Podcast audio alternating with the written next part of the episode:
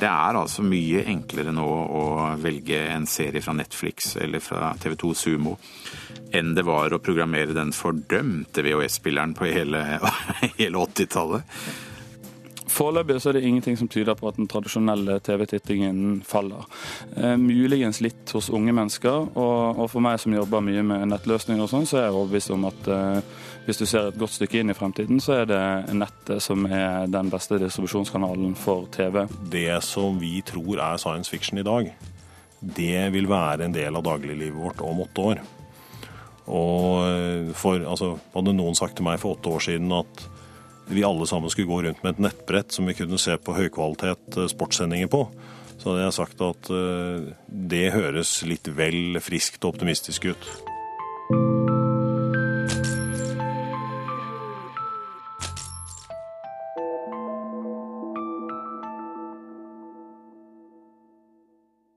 Kurer, P2s mediemagasin.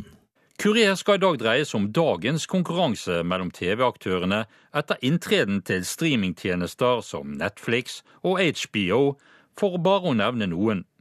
Men la oss først se litt tilbake på den norske TV-historien. Slik hørtes det ut da kong Olav åpnet fjernsynet for ordinær drift i 1960. Jeg vil håpe at norsk fjernsyn vil makte sine oppgaver og kunne være underholdende og gi lærdom, gi nye erfaringer, nye impulser der hvor den kommer inn i de tusen hjem. Og at den må bidra til å gjøre livet bedre og lykkeligere for alle i vårt kjære fedreland. Med disse ord erklærer jeg fjernsynet åpnet for ordinær drift. Debattene omkring innholdet i fjernsynet og utviklingen av fjernsynsteknologien har gått fort. Blant annet førte det i 1971 til en debatt i Stortinget om man skulle innføre fargefjernsyn i Norge. I den anledning lot daværende stortingsrepresentant Einar Førde disse ordene falle fra Stortingets talerstol. Mye av motstanden mot fargefjernsyn er av psykologisk art. Fargefjernsynet får nokså ufortjent status som symbol på vondskapen og irrasjonaliteten i vårt økonomiske system. Den typen radikalisme som ser det som et hovedmål å stanse fargefjernsynet, er i stor grad en nokså verdiløs radikalisme, omtrent av samme gehalt som den som ligger i ytringa 'jeg er mot prester, men for kvinnelige prester'. Motstanden har også sterke innslag av puritanisme vi får finne oss i at synda er kommet til jorda, men vi vil ikke ha henne i farger. Arne Berggren er kjent som forfatter, men arbeider nå som showrunner. Dvs. Si, han lager TV-serier, bl.a. Norges eldste, Hotell Cæsar. Han er seg begeistra av utviklingen og tilgjengeligheten på nettjenester fra distributører som Netflix. Det at det skjer så mye, det at uh, det er stadig den ene TV-revolusjonen etter den andre, medierevolusjoner, vi, vi, snakker ikke om det lenger, for det skjer fra uke til uke. Uh, det at uh, Jeg ser to ting. Det ene er at vi ikke vet hvordan det er om et halvt år lenger. Det, det andre er at for oss som skaper serier og produserer dem, så, så blir det mer og mer interesse om det vi gjør. Større og større marked. Eh, så det er morsomme tider. Vi, vi, vi, er vel på en måte i en eller annen slags sånn på vei ut av en eller annen steinalder. Eh, jeg tror det er en veldig gyllen tid for TV-industrien nå. Eh, ny teknologi gjør andre ting mulig, og distribusjon blir stadig mer global. Så, så vi som elsker TV-serier, får på den andre siden også mye større frihet til å velge. Da Netflix kom til Norge, HBO kom til Norge, så er det jo like enkelt som å kjøpe en e-bok. Eh, den, den, eh, den, voldsomme sånn kunnskaps- og erfaringskløften som man var redd for, den, den, er vel vekk allerede. Det er på en måte eh, like lett å kjøpe en serie fra Netflix nå, eller fra iTunes, som det er å finne riktig kanal på TV-en. Jeg, jeg sliter mer med det, rett og slett. Jeg syns teknologien er enkel. Det er altså mye enklere nå å velge en serie fra Netflix eller fra TV2 Sumo enn det var å programmere den fordømte VHS-spilleren på hele, hele 80-tallet. Så langt serieskaper Arne Berggren. Førsteamanuensis Pål Aam ved Høgskolen i Volda tror at flere her til lands vil ta i bruk streamingtjenestene som nå tilbys det norske markedet. Så jeg er ikke redd for det, men jeg tror det er vi inne i en ubønnhørlig utvikling som går i den retning. Fordi det er flere faktorer som taler for det. Bl.a. at dette her for første gang fungerer på en teknisk måte som flertallet av oss klarer å få til å bruke. Altså En kunne bruke strømmetjenester på TV før, men da måtte en koble det til eh, med en PC og mange kabler og styre og stelle mot en TV. Det var veldig vanskelig. Og det er mer og bedre innhold, og det er generasjoner nå som er vant med å laste ned og aktivt velge innhold. Men eh, jeg tror ikke det er noe nødvendigvis å være redd for. Men spørsmålet er om norske innholdsleverandører klarer å følge med og henge med på den tekniske utviklinga. Jeg syns at særlig NRK har utvikla noen veldig gode tjenester på nett med det nye nett-TV og applikasjonene som de har for mobil og nettbrett. Det er tjenester som er lette å bruke, det er lett å finne innhold, det fungerer raskt. Eh, TV 2 har vært opptatt av det veldig lenge med TV 2 Sumo, og før det egentlig ble eh, veldig mye snakk om det her. Men jeg synes av en eller annen grunn så har de likevel ikke klart å få til fullt så gode tjenester. De er ikke fullt så brukervennlige. Men det viser at begge de eh, store på TV-sida i Norge er veldig opptatt av det her. De jobber hardt for å utvikle best mulig tekniske tjenester. Så um, det virker som de henger med, absolutt. Kanaldirektør Nils Kjetil Andresen i TV 2 sier at de merker en økende konkurranse på det internasjonale markedet. Rent C-messig så merker vi jo ikke så veldig mye ennå. Eh, total TV-seing er jo fortsatt eh, høy, eh, og har ikke falt noe vesentlig. Tradisjonell lineær TV, da. Det du merker nå, er at kampen om rettighetene ute, spesielt for det internasjonale innholdet, er blitt skjerpet med flere aktører på banen. Er dette noe TV 2 uh, si, frykter vil fortsette? Det her kommer helt sikkert til å utvikle seg videre. Og nå er det jo sånn at spesielt når det gjelder Netflix, så er jo det egentlig at du bringer DVD-en over på streaming. Eh, sånn at eh, antageligvis tidligere så har det jo vært eh, rettigheter solgt til bruk av DVD, og folk har jo også sittet og sett på DVD hjemme i hjemmene. Men, men selve Netflix-teknologien gjør det jo lettere og eh, lettere tilgjengelig, sånn at eh, kanskje konsumet totalt sett av det øker. Men eh, det vi, det vi klart vil se fremover, er den økte konkurransen om, om vinduene, som vi kaller det da, på rettighetssiden, hvor, hvor fri-TV, som TV 2 er, vil antageligvis bli mer og mer presset fra type video on demand-vinduer.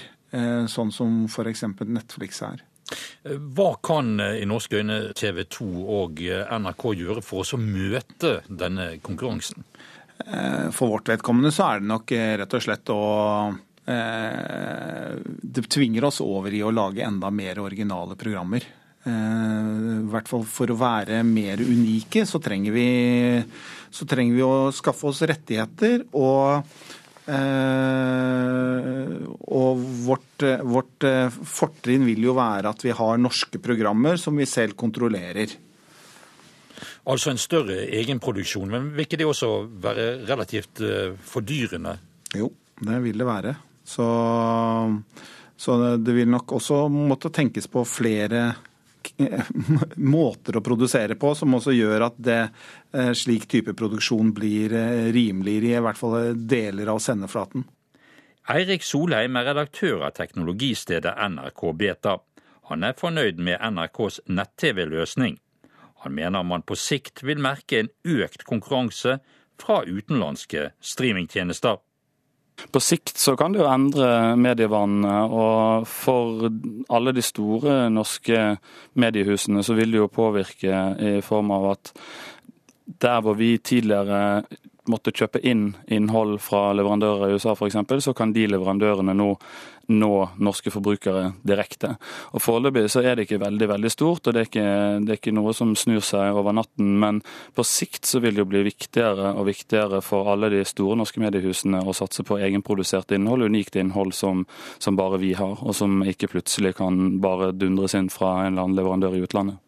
Men ser du en fare i forhold til bruk eh, av eh, den tradisjonelle lineære TV-seingen, at den er på, på, vei ut, og at dette med nett-TV eh, er det som kommer til å gjelde i fremtiden? Foreløpig er det ingenting som tyder på at den tradisjonelle TV-tittingen faller. Eh, muligens litt hos unge mennesker, og, og, for meg som jobber mye med nettløsninger og sånn, så er jeg overbevist om at eh, hvis du ser et godt stykke inn i fremtiden, så er det nettet som er den beste distribusjonskanalen for TV. Eh, men vi har ganske god tid på oss der, og det viser seg at eh, TV-vanene til folk, det at man setter seg ned, slår på TV-en og ser på en tradisjonell linær kanal når de som sender ut har bestemt at du skal se på programmer, det endrer seg ikke veldig veldig fort. Men vi må selvfølgelig følge med, og spesielt på, på unge mennesker og deres medievaner. Men foreløpig så ser selv unge mennesker timevis på tradisjonell TV. Hva er det dere ser på når dere planlegger fremover? Vi følger jo nøye med på, på, tall rett og slett, og ser på hvor populære tjenestene blir. Vi følger nøye med på våre tradisjonelle TV-kanaler eh, og prøver å bryte det ned på, på, alder og forskjellige segmenter for å se om det er noe bevegelse eh, i TV-vannene der.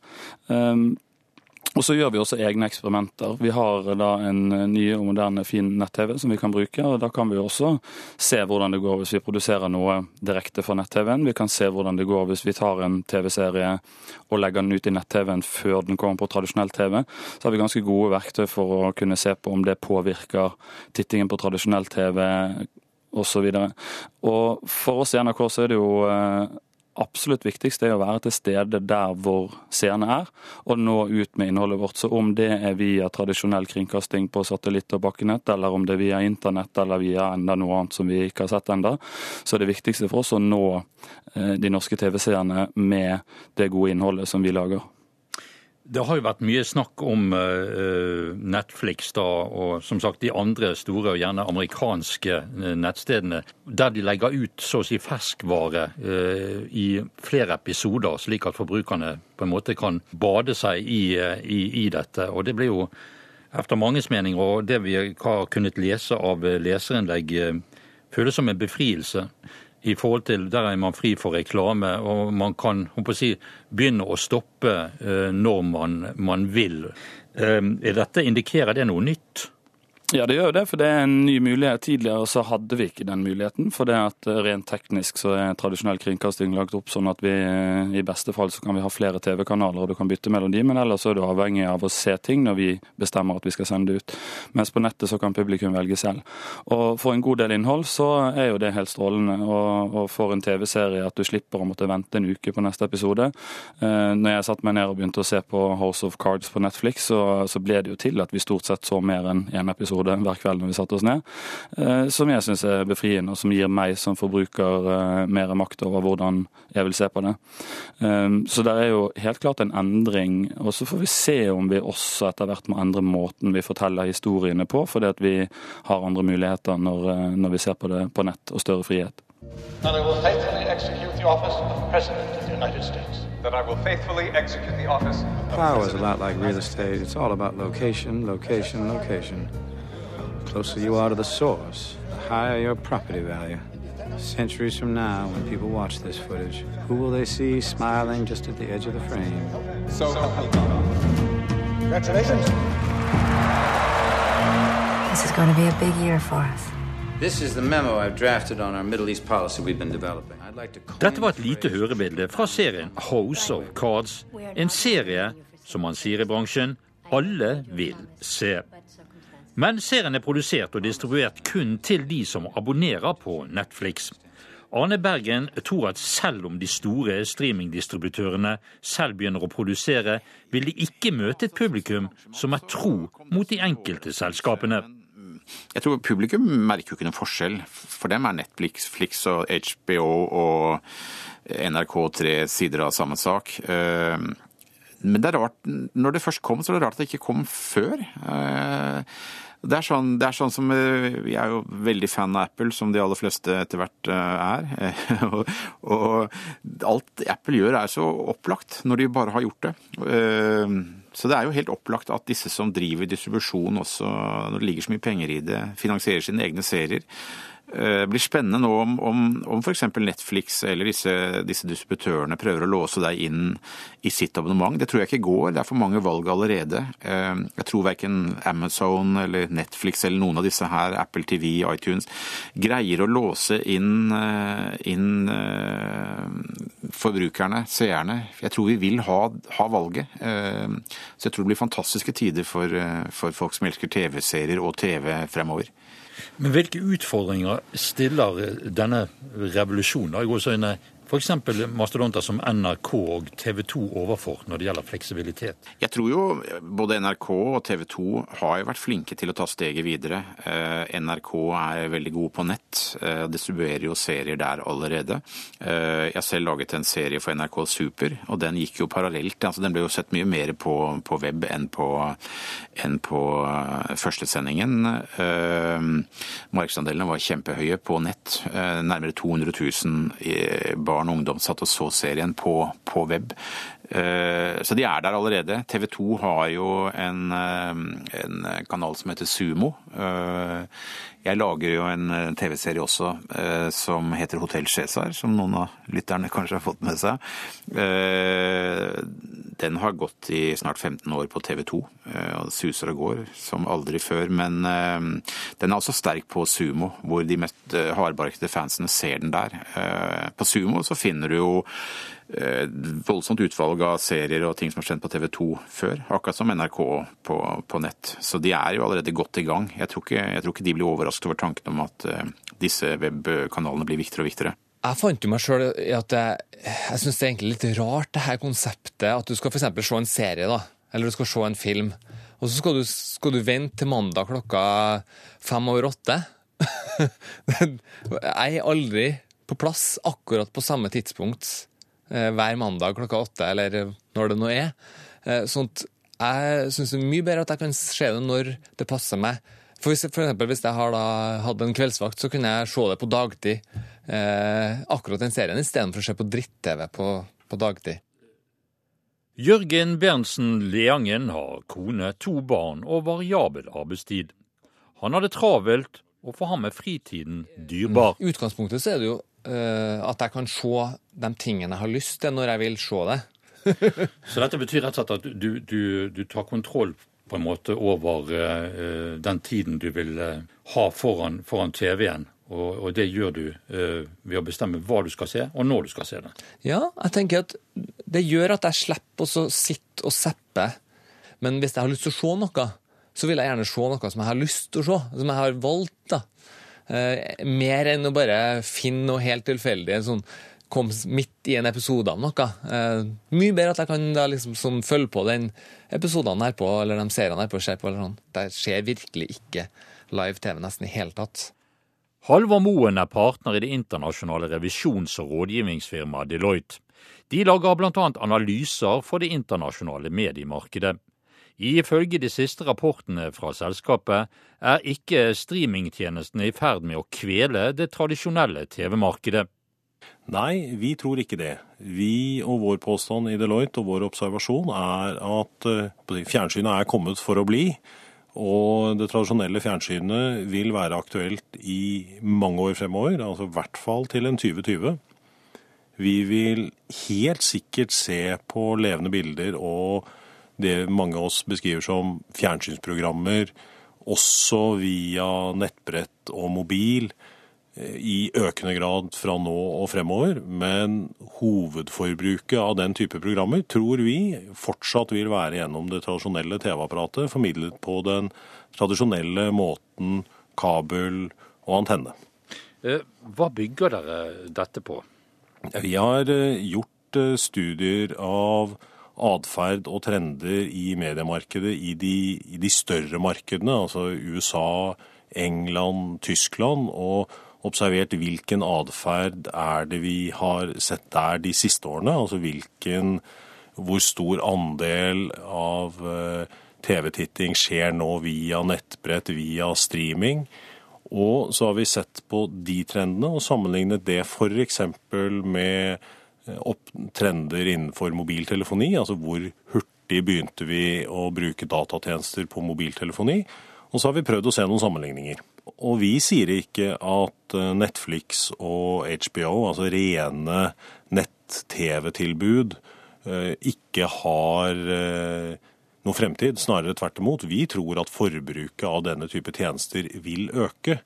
Men sammenligner vi andelen, altså hvor mye tid vil vi som TV-tittere bruke på en, en tilbud à la Netflix eller HBO, sammenlignet med hvor mye tid vil vi bruke på tradisjonell TV, eller tradisjonell TV formidlet via internett, ja, så vil hoveddelen langt på vei, altså over 90% av tiden vår, vil vi bruke på TV-titting enten på tradisjonell TV eller på tradisjonell TV, f.eks.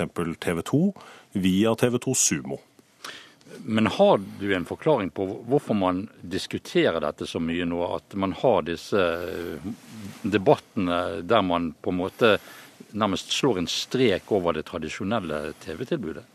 Jeg tror det er en eh, tror det er noe vi som, som mennesker og synsere gjør i, i, alle bransjer, når vi ser at det kommer nye tilbud som er relevante og, og spennende for oss så er vi nok mange, jeg også, eh, som har en tendens og et ønske om å si at dette er fremtiden. Og vi er ikke uenig i det. Altså Fremtiden er eh, streaming av eh, levende bilde og lyd via f.eks. internett. Men det store volumet vil fortsatt være TV-titting i de neste åtte årene, vil jeg si. Vil fortsatt være TV-titting via TV-en på samme måte som hovedbruken av mobiltel mobiltelefonen vår fortsatt er å snakke med, selv om veldig mange av oss snakker mest om nettjenester og chat og SMS. Men Går det an å se utover det tidsperspektivet, eller er det vanskelig i forhold til eh, den teknologiske utvikling og, og, og folks higen etter å få det siste nye? Altså Jeg syns vi strekker oss ganske langt når vi mener noe åtte år fram i tid. Altså Min grove tilnærming til dette personlig er jo at det som vi tror er science fiction i dag, det vil være en del av dagliglivet vårt om åtte år. Og, og, fra vårt ståsted så er det ingen grunn til å tro at denne utviklingen vil gå noe saktere de neste årene. Og sånn sett så, så tror jeg at, at, både du og jeg vil sitte med produkter og tjenester om åtte år som, som vi ikke har tenkt på i dag. Eh, føler du at eh, NRK og TV 2 tar eh, konkurransen på alvor? Altså i forhold til den popularitet som eh, disse strømtjenestene allerede har oppnådd? Ja, det er eh, vår klare oppfatning at de både tar den på alvor, og at eh, begge to foreløpig ligger litt i forkant. Kanskje spesielt NRK, som har det fordelen at, at NRK sitt produkt er gratis. Så det er ikke noe terskel og det er ikke noe pengeterskel i forhold til å ta det i bruk. Det er jo en utfordring TV 2 har. at eh, Skal vi inn på TV 2 Sumo, så må vi betale et abonnement. og det, det, er mange av oss som ikke har vent oss til å betale for denne type innhold, mens på NRK er det jo gratis.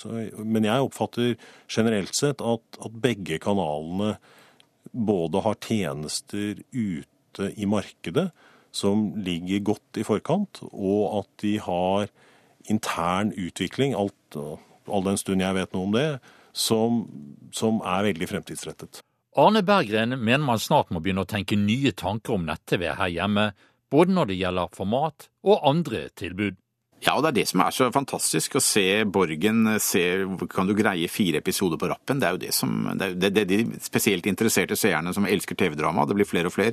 Det er jo det man gjør. Man tar en skikkelig maraton. Man ser eh, ti episoder Hotell Cæsar eller fire episoder Borgen eller halve Mad Men-sesongen i ett. Eh, og det, det, er jo det spennende, nettopp det at det begynner å dukke opp en ny type format. Det er verken spillefilm eller TV-serie, det er noe midt imellom. Jeg syns jo det er kjemperart å sitte og se en spillefilm nå på en og en halv time. Historien er over. Jeg føler meg bare rar og tom. Det er så vidt eh, Altså, det er bare liksom sånn en, en liten smak. Jeg vil ha serier på 28 episoder som du kan følge i månedsvis. Så, dette har, fått dere som produserer eh, drama til eh, Det har vært en slags en vekkelse i positiv forstand? Jeg tror man må, må se at vi alle sammen er i en, eh, en eller annen bransje, en industri, hvor vi, hvor vi lager underholdning eller kunst for massene eller et eller annet sånt. Og, og måten vi lager det på, måten prosessen er, vil variere. Så jeg tror at de som overlever, overlever her, er de som kan snu seg fort rundt, ha et godt nettverk, villig til kompromisse, slippe tak i vedtatte sannheter. Og her tror jeg nok vi har store utfordringer både for fagforeninger, for film- og TV-skoler, for Eh, for hele bransjen. De som er lekne og er klare for omstilling, eh, vil få det veldig veldig gøy. De som klamrer seg til en eller annen kunstnermyte eller noen romantiske ideer om at ting skal være akkurat sånn som det har vært lenge, de, eh, de ender nok ganske fort på Nav.